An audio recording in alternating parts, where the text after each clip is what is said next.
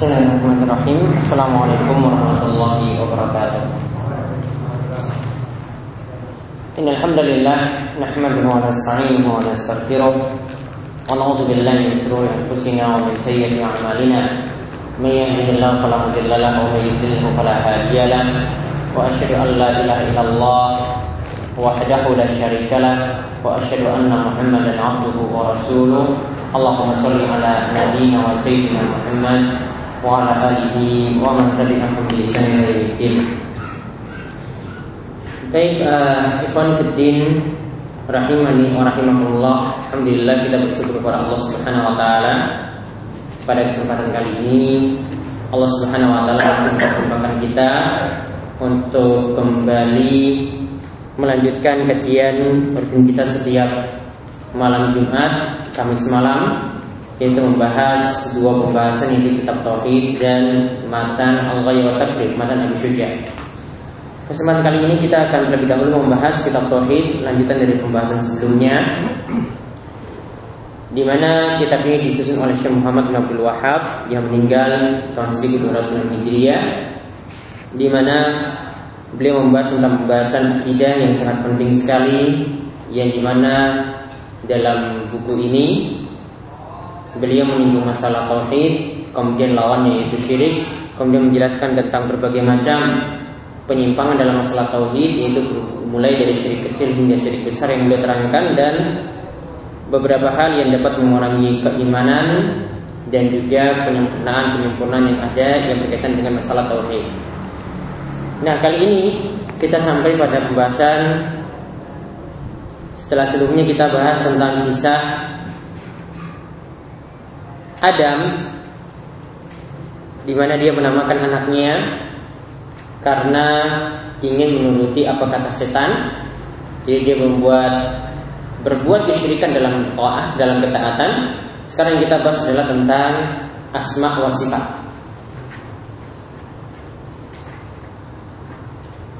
Betul ya? 739. Ya, betul?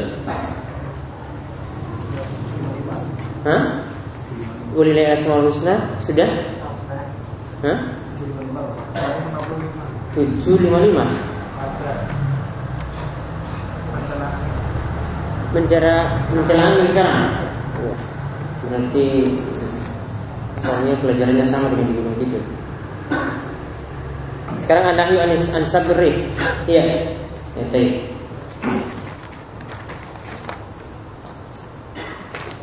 Berarti asmaul husna sudah Lau juga sudah.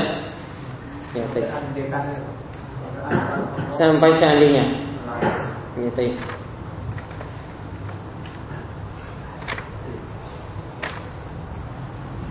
Ya. Ya kita lanjut Tentang Anak yu ansabirih. Larangan mencela angin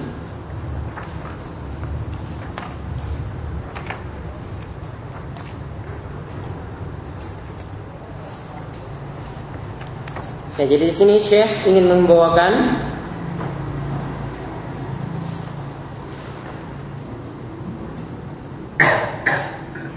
salah satu hal yang dapat mencacati tauhid.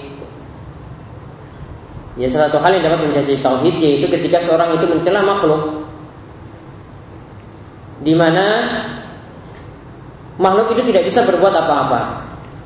Tapi yang berbuat itu adalah Allah Subhanahu wa taala.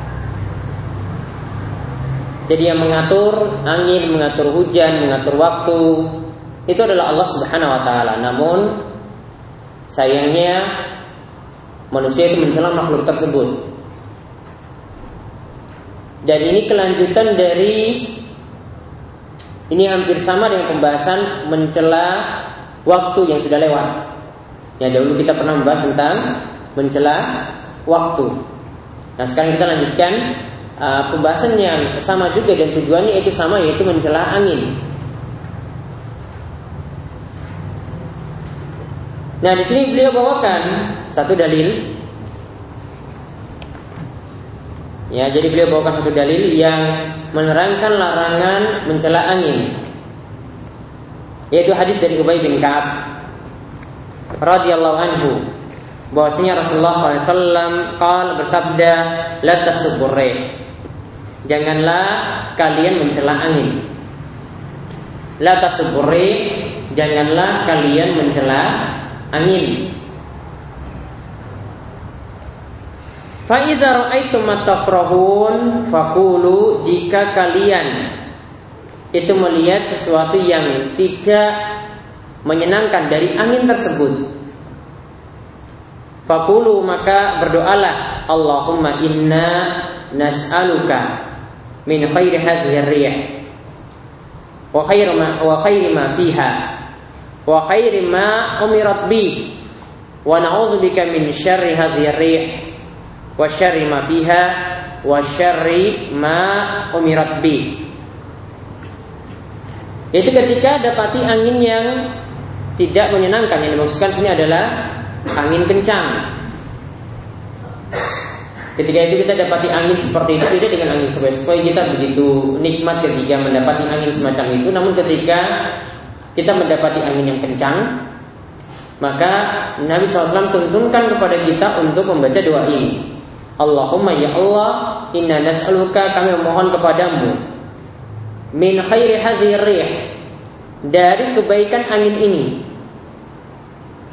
Wa khairi ma fiha Dan kebaikan yang dikandung Di dalam angin tersebut Karena angin dia membawa Kandungan-kandungan di situ yang ada Yang dapat bermanfaat bagi manusia Wa khairi ma umirat dan kebaikan yang angin itu diutus dengannya. Jadi ada juga yang ikut serta bersama angin ketika itu.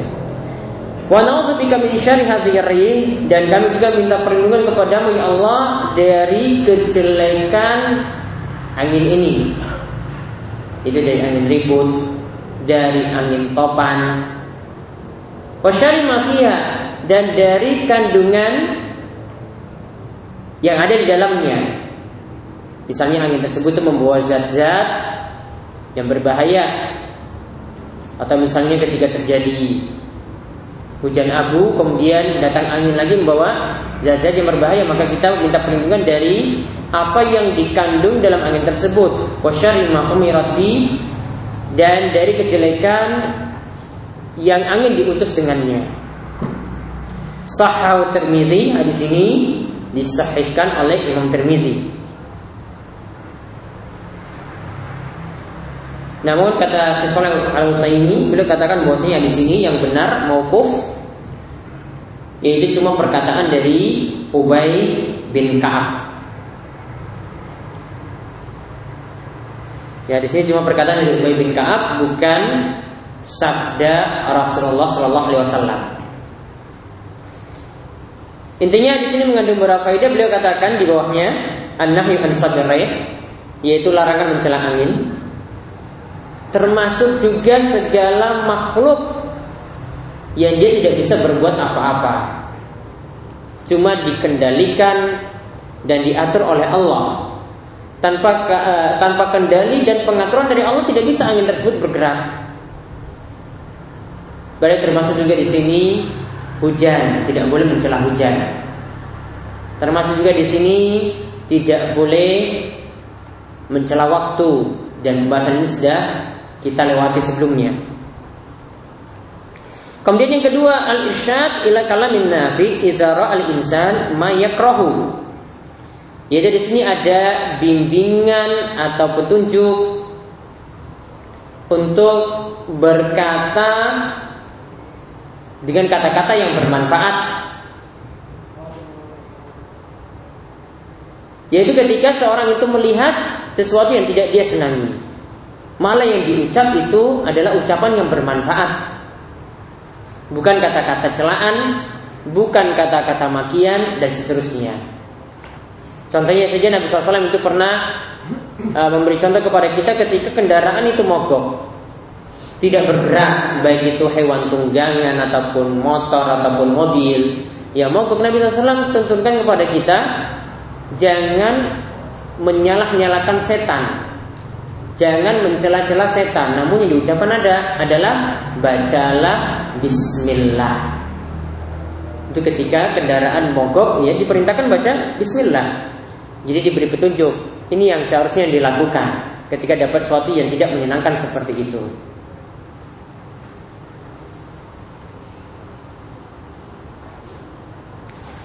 Nah kemudian asal yang ketiga al isyad ila annaha ma'muratun. Ada petunjuk di sini bahwasanya doa tadilah itu yang diperintahkan. Jadi kita diperintahkan e, membaca doa tersebut ketika mendapati angin kencang. Kemudian yang keempat bahwasanya angin diperintah kadang membawa kebaikan, dengan kandungan-kandungan yang dia bawa dan sesuatu yang dia turut serta juga dengan angin dan kadang pula membawa dampak jelek. Ya, kadang angin itu membawa kebaikan dan kadang angin juga membawa dampak jelek. Sama juga dengan hujan. Ya, hujan kadang membawa manfaat, kadang kalau walaupun rintik-rintik sekalipun namun kalau waktunya itu lama berhari-hari misalnya tidak berhenti juga menyusahkan Ya, sifat angin dan hujan itu bersama seperti itu.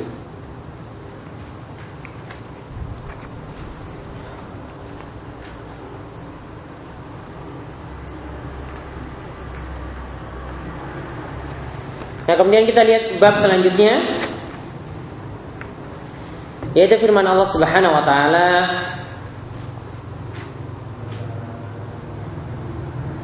yang memerintahkan supaya kita berhusnuzon berprasangka baik pada Allah.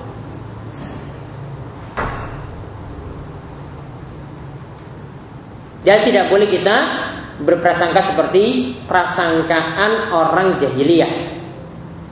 Beliau bawakan firman Allah Subhanahu wa taala, "Yazunnuna billahi ghairal haqqi dhannal jahiliyah." Yaitu mereka berprasangka pada Allah dengan cara yang tidak benar dengan sangkaan jahiliyah. Yaquluna hal lana min al-amri min syai' mereka itu mengatakan apakah untuk kami ini ada sesuatu dalam urusan ini. Qul innal amra kullahu lillah. Katakanlah seluruh urusan itu di tangan Allah Subhanahu wa taala. Atas kuasa Allah Subhanahu wa taala. Ini yang disebutkan dalam surat Ali Imran ayat 154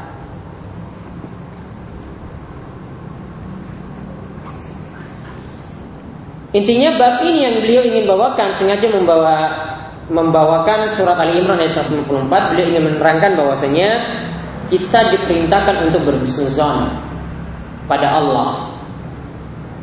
Ini terutama ketika kita itu ingin mengimani takdir. Nanti setelah ini beliau akan menjelaskan tentang masalah takdir. Kita harus punya prasangka baik kepada Allah ketika Allah menetapkan sesuatu, ketika Allah menakdirkan sesuatu. Kok keadaan dirinya dibuat sengsara, kok keadaan dirinya itu dibuat miskin, kok keadaan dirinya itu dibuat sakit, kok butuh operasi yang begitu besar. Harus seorang berprasangka baik kepada Allah Subhanahu wa taala. Dan ini juga ada kaitannya dengan pengimanan seorang itu terhadap nama dan sifat Allah Subhanahu wa taala. Kalau dia punya keimanan yang benar terhadap nama dan sifat Allah, maka tentu saja dia akan mengedepankan husnuzon kepada Allah daripada sikap suuzon. Karena konsekuensi dari nama dan sifat Allah yang husna, yang sempurna, yaitu Allah pasti berbuat dengan perbuatan yang baik. Dengan perbuatan yang sempurna. Ada hikmah di balik itu semuanya. Nah, kebalikannya perbuatan eh, suuzon kepada Allah itu tanda tidak sempurnanya tauhid atau iman seseorang. Jadi berusnuzon pada Allah itu tanda sempurnanya tauhid.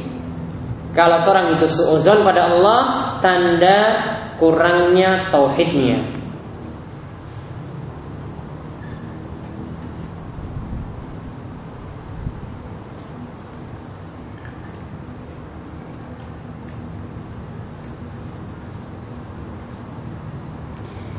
Nah, sedangkan dikatakan di sini ya zunun mereka itu berprasangka kepada Allah. Yang dimasukkan dengan mereka di sini adalah al munafikun, orang orang munafik.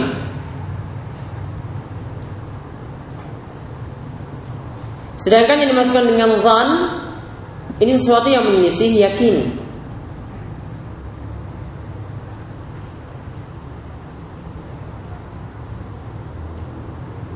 Sedangkan zonal jahiliyah prasangka jahiliyah di sini yang dimaksudkan adalah prasangka di mana dia menyatakan bahwasanya anallaha la yansuru rasulahu. Bahwasanya Allah tidak akan menolong rasulnya bahwasanya Allah tidak akan menolong rasulnya jadi dia punya sangkaan jahiliyah maksudnya Allah itu tidak akan menolong rasulnya jadi ini sangkaan jelek kepada Allah Sedangkan kata jahiliyah ini catatan penting yang perlu diperhatikan kalau diistilahkan jahiliyah itu segala sesuatu ajaran sebelum Islam. Ya segala sesuatu ajaran sebelum Islam. Dan kalau disandarkan pada kata jahiliyah itu berarti celaan. Ya kalau disandarkan pada kata jahiliyah itu berarti celaan. Artinya tanda jelek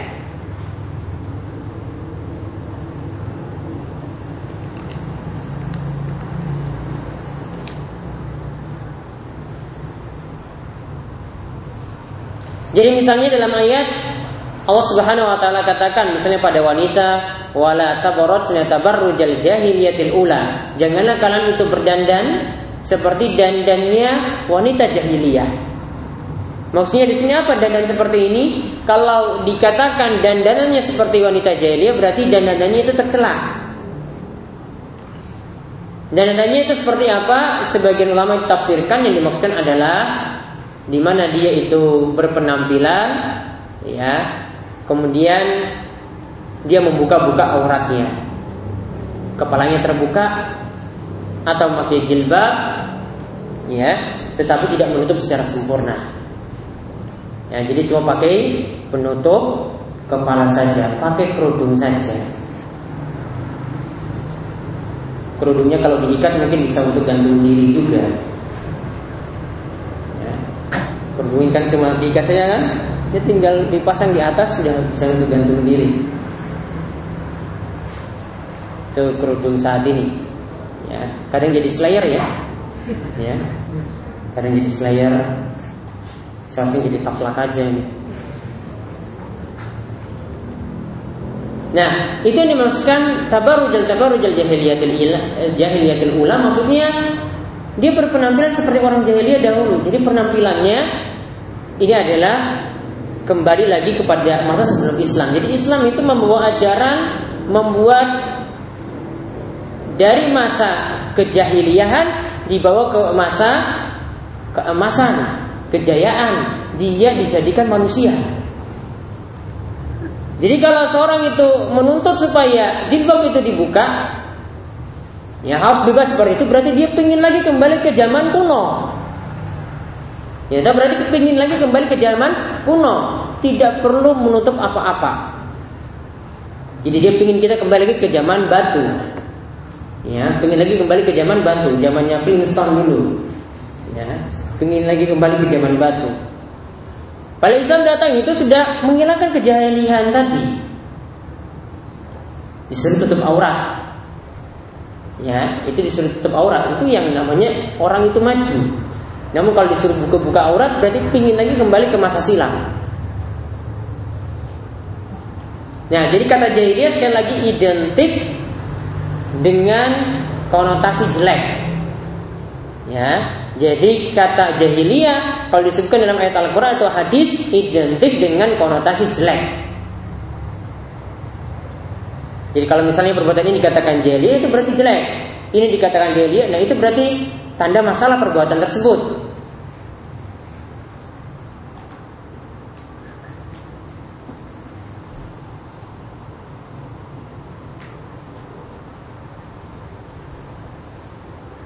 Lalu dikatakan halana minal amri min syai' apakah kami dari perkara perkara tersebut ada bagian sesuatu maksudnya di sini adalah bahwasanya kami itu mungkinkah mendapatkan pertolongan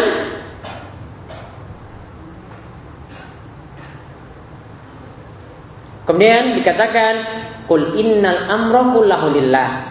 Katakanlah seluruh perkara itu di tangan Allah. Jadi pertolongan itu adalah kuasa Allah. Jadi tutup langsung seperti itu. Dia tanya seperti bentuknya istifham. Kalimat tanya kemudian dijawab. Ya. Kul innal amra kullahu. Katakanlah seluruh urusan itu tangan Allah. Pertolongan itulah Allah yang berikan. Kalau Allah sudah kehendaki maka tidak mungkin ada yang bisa menghalanginya.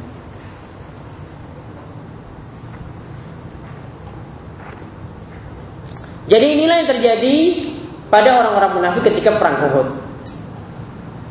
Jadi mereka berprasangka jelek terhadap Allah dengan sangkaan yang jelek bahwasanya mereka sangkakan Allah tidak mungkin menolong Rasulnya dan orang munafik itu masuk dalam barisan Islam Ya, orang munafik itu masuk dalam barisan Islam. Ini tidak mungkin Allah itu mendatangkan pertolongan.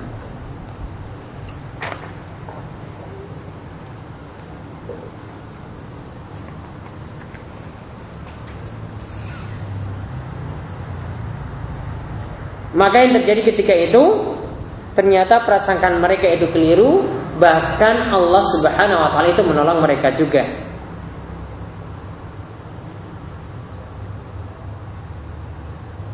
Jadi faedah yang bisa kita lihat dari ayat ini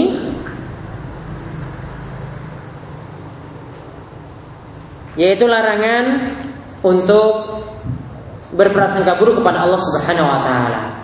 Dan perlu kita yakini bahwasanya setiap orang beriman termasuk para rasul itu akan mendapatkan pertolongan Allah.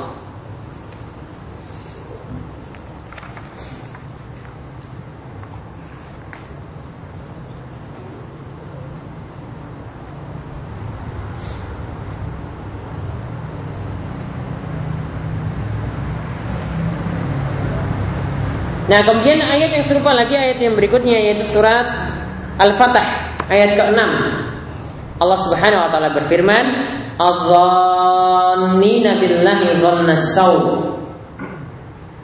Alaihim dairatus saw Yaitu mereka berprasangka kepada Allah. Mereka di sini siapa? Orang-orang munafik. Mereka berprasangka kepada Allah zannasau dengan sangkaan yang jelek. Sangkaan jeleknya itu apa? Alayan suru rasulahu wal mu'minun wal mu'minin. Bahwasanya Allah tidak mungkin menolong rasul dan orang-orang beriman. Alaihim dairatus mereka itu berhak mendapatkan daerah saud siksa yang pedih. Lalu di lanjutan ayat dikatakan wa ghadiballahu alaihim dan Allah itu melaknati mereka, Allah itu murka terhadap mereka, wa la'anahum dan Allah itu melaknat mereka, wa adalahum jahannama wa sa'at masira. Dan Allah menyediakan bagi mereka jahanam dan neraka itu sejelek-jelek tempat kembali bagi mereka.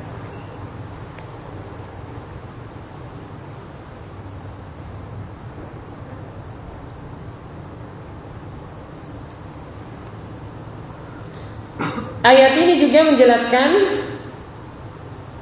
peringatan keras agar tidak suuzon kepada Allah. Dan ini berlaku bukan hanya ketika uh, bukan berlaku pada orang munafik saja. Ini juga berlaku pada orang beriman ketika mereka menyikapi perbuatan-perbuatan Allah Subhanahu wa taala harus mengedepankan perasaan baik kepada Allah dan wajib berhusnuzon ketika itu.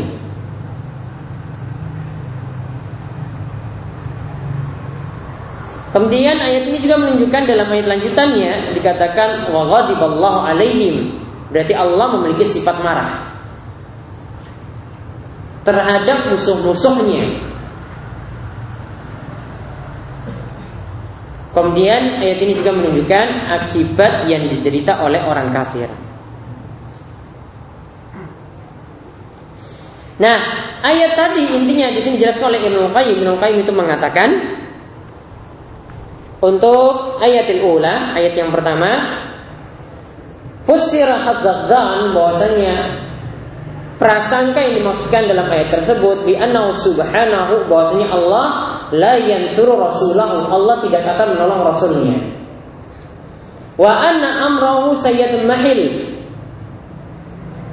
dan mereka sangka bahwasanya perkara itu akan sebaliknya Wa bi anna ma asabahu lam yakun bi qadarillahi wa hikmatihi dan mereka dan di sini juga ditafsirkan bahwasanya mereka sangka apa yang mereka derita dari musibah itu bukanlah karena takdir Allah dan bukan karena hikmah Allah. Dan prasangka jelek di sini juga maksudnya adalah diingkaril hikmah wa ingkaril qadar. Yaitu dengan seorang itu mengingkari hikmah Allah dan juga mengingkari takdir Allah.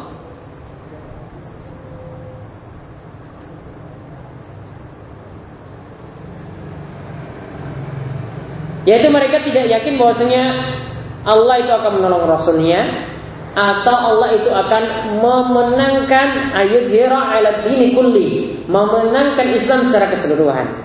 Inilah yang disebut kata Ibnu Qayyim huwa huwa yaitu berprasangka jelek kepada Allah Subhanahu wa taala.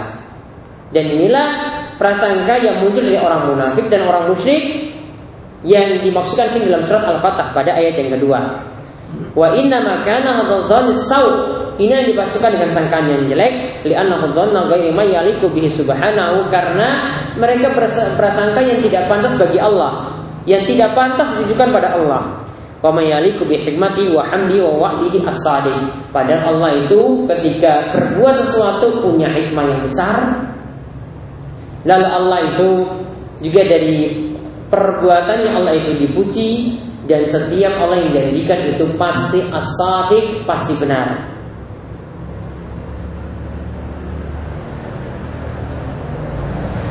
Jadi kalau orang yang berprasangka jelek seperti itu maka ya temahil malhak maka kebenaran malah akan jadi sebaliknya dia tidak akan mendapatkan kebenaran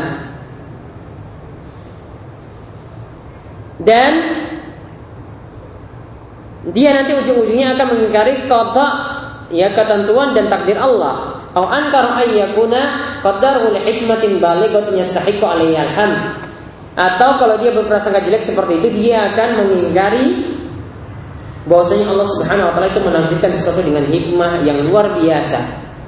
Yang di mana Allah menakdirkan seperti itu yastahiqu alaihi alhamd. Di dalamnya Allah itu pantas untuk dipuji.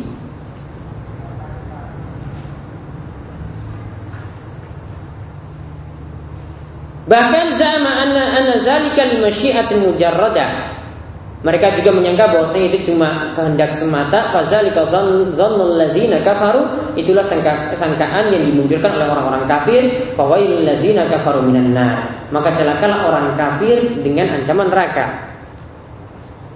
Kemudian Ibnu juga mengatakan wa aksarun nas yazunnuna billahi zannasaw. Kebanyakan manusia itu berprasangka jelek kepada Allah fima yahtassu bihim terhadap sesuatu yang terjadi pada mereka wa fima yaf'alhu bi ghairihim dan juga terhadap apa yang mereka berbuat pada orang lain wala yaslam min zalika illa man arafa Allah wa asma'ahu wa sifatihi wa mujibu hikmatihi wa hamdihi dan seorang itu bisa selamat jika dia benar-benar mengenal nama dan sifat Allah dan juga mengetahui bahwasanya di balik itu semua ada hikmah dan pujian bagi Allah Subhanahu wa taala.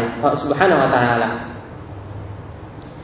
Falyatanil labib an-nasih li nafsihi bihada, maka yang akan selamat adalah orang yang paham akan hal ini. Wal Allah, maka bertobatlah kepada Allah wa yastaghfirhu dan beristighfarlah kepada Allah in zannihi bi rabbi karena telah berprasangka jelek seperti itu.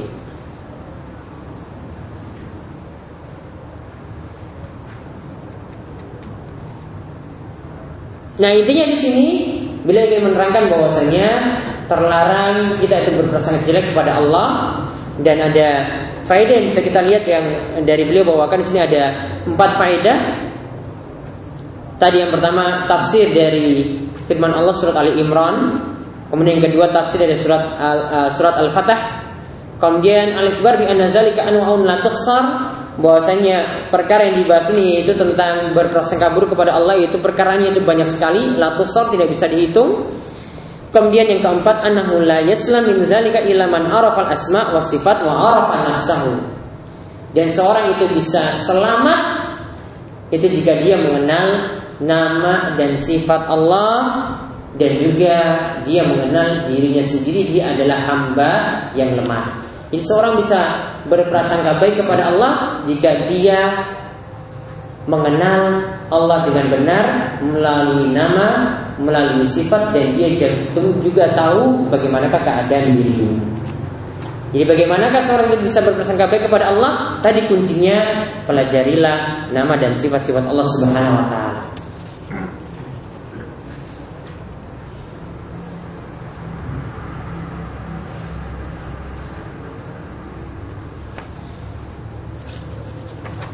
Ya insya Allah nanti setelah sholat kita akan tambahkan nanti satu bab. Demikian uh, azan dulu nanti habis azan kita lanjutkan sedikit baru lanjutkan lagi setelah sholat. Nah kemudian selanjutnya Syekh membawakan bab maja'a fi munkiril qadar yaitu pembahasan tentang orang yang mengingkari takdir.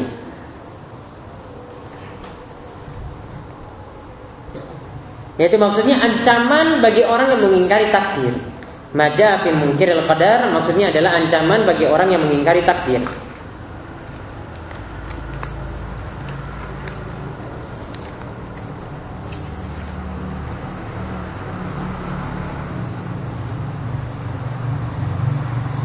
Dan kita ketahui bahwasanya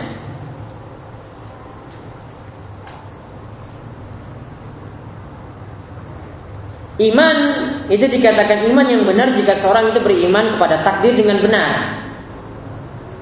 Artinya jika dia tidak mengimani takdir, maka imannya itu cacat.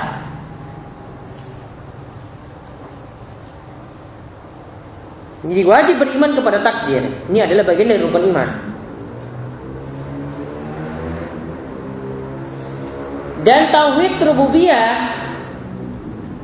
Tauhid rububiyah bisalah sempurna jika seorang itu beriman kepada takdir. Karena dalam tauhid rububiyah itu berarti di dalamnya kita mengimani segala perbuatan Allah dan menetapkan takdir adalah perbuatan Allah. Berarti kalau tauhid seorang itu ingin benar, berarti dia harus beriman kepada takdir dengan benar.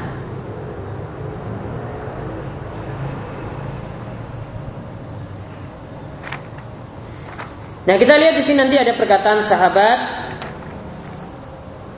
tentang masalah ini yang menunjukkan ancaman bagi orang yang keliru dalam beriman terhadap takdir. Ibnu Umar itu berkata, "Wallazi nafsi nafsu Ibnu Umar biyadi." Demi jiwa demi zat yang jiwa Ibnu Umar itu berada di tangannya.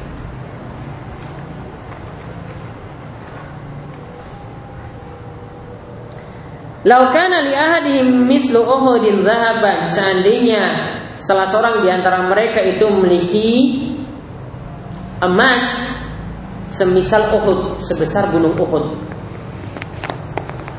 Jadi ini untuk menggambarkan jumlah yang banyak. Ya ini untuk menggambarkan jumlah yang banyak. Seandainya seorang itu punya emas sebesar gunung Uhud, Suma anfaqahu fisabilillah. Lalu dia infakkan emas tadi di jalan Allah. Maka bila Allah minhu maka Allah tidak mungkin menerima infaknya. Hatta yu'mina bil qadar sampai dia mau beriman terhadap takdir. Hatta yu'mina bil qadar sampai dia mau beriman terhadap takdir. Kemudian Ya, di sini jadi menunjukkan ancaman keras yang ditunjukkan oleh Ibnu Umar. Bahwasanya orang ketika dia tidak beriman kepada takdir dengan benar, maka membuat amalannya tidak diterima, infaknya tidak diterima. Ini ancaman. Kemudian sumastadal lebih koli Nabi SAW Kemudian Ibnu Umar Itu berdalil dengan Sabda Nabi SAW, Al-imanu an tu'mina billahi wa malaikatihi wa kutubihi wa rusulihi wal yaumil akhir wa tu'mina bil qadari khairihi wa syarri. Yang namanya iman, yaitu maksudnya adalah rukun iman, yaitu engkau beriman kepada Allah yang pertama, engkau beriman kepada malaikat yang kedua, engkau beriman kepada kitab-kitab Allah yang ketiga, engkau beriman kepada para rasul yang keempat, engkau beriman kepada hari akhir yang kelima, dan yang keenam engkau beriman terhadap takdir yang baik maupun yang buruk. Rawah Muslim hadis ini diriwayatkan oleh Imam Muslim dan ini adalah hadis dari sahabat Umar bin Khattab. Jadi lihat pada perkataan Ibnu Umar tadi adalah ancaman bagi orang yang tidak beriman terhadap takdir. Sedekahnya walaupun itu begitu banyak miliaran atau triliunan yang dia itu sedekahkan tidak diterima gara-gara imannya itu cacat. Dan dia membawakan dalil ini menunjukkan bahwasanya iman ya ini meliputi enam hal ini. Ini yang wajib dipenuhi dan iman terhadap takdir yang baik dan buruk ini adalah salah satu bentuk iman yang mesti dipenuhi. Kalau tidak dipenuhi maka amalan seorang tidak akan diterima.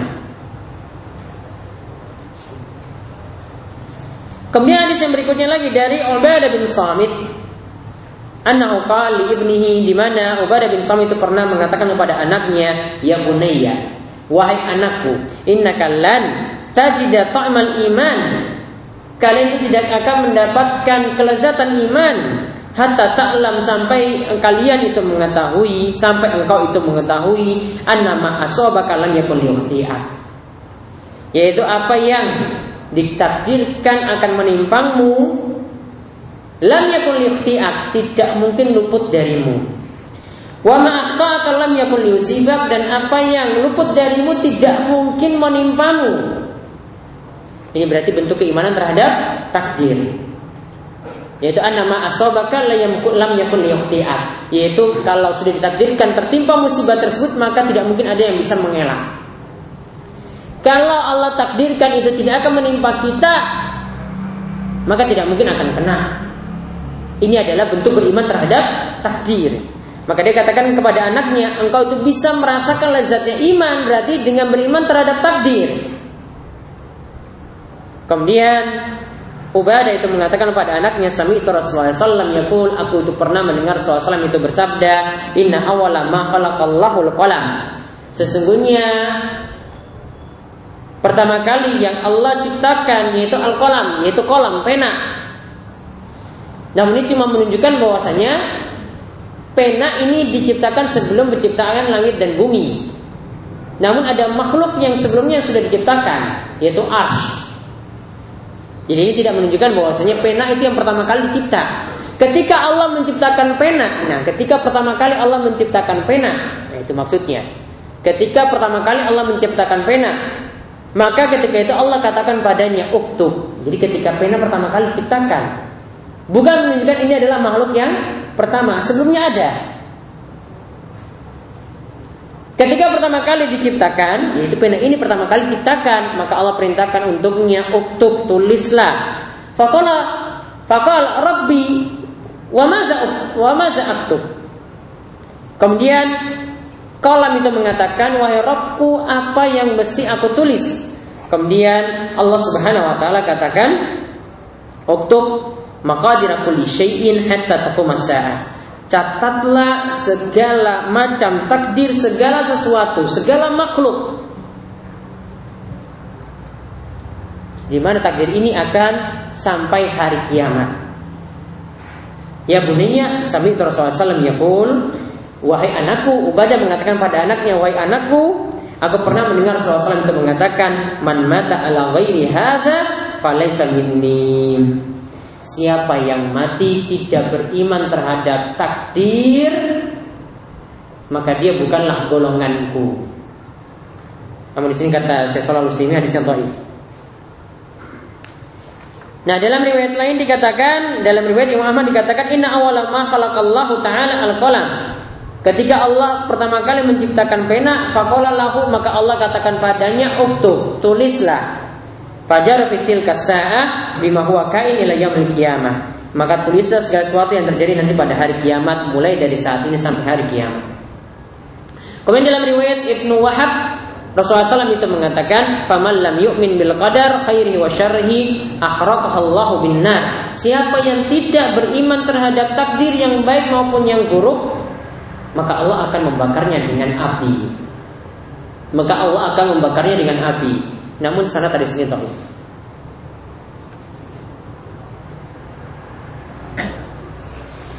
Dan nanti satu hadis lagi insya Allah akan kita bahas setelah sholat isya. Sallallahu alaihi wa sallam Muhammad wa ala alihi. Alhamdulillah.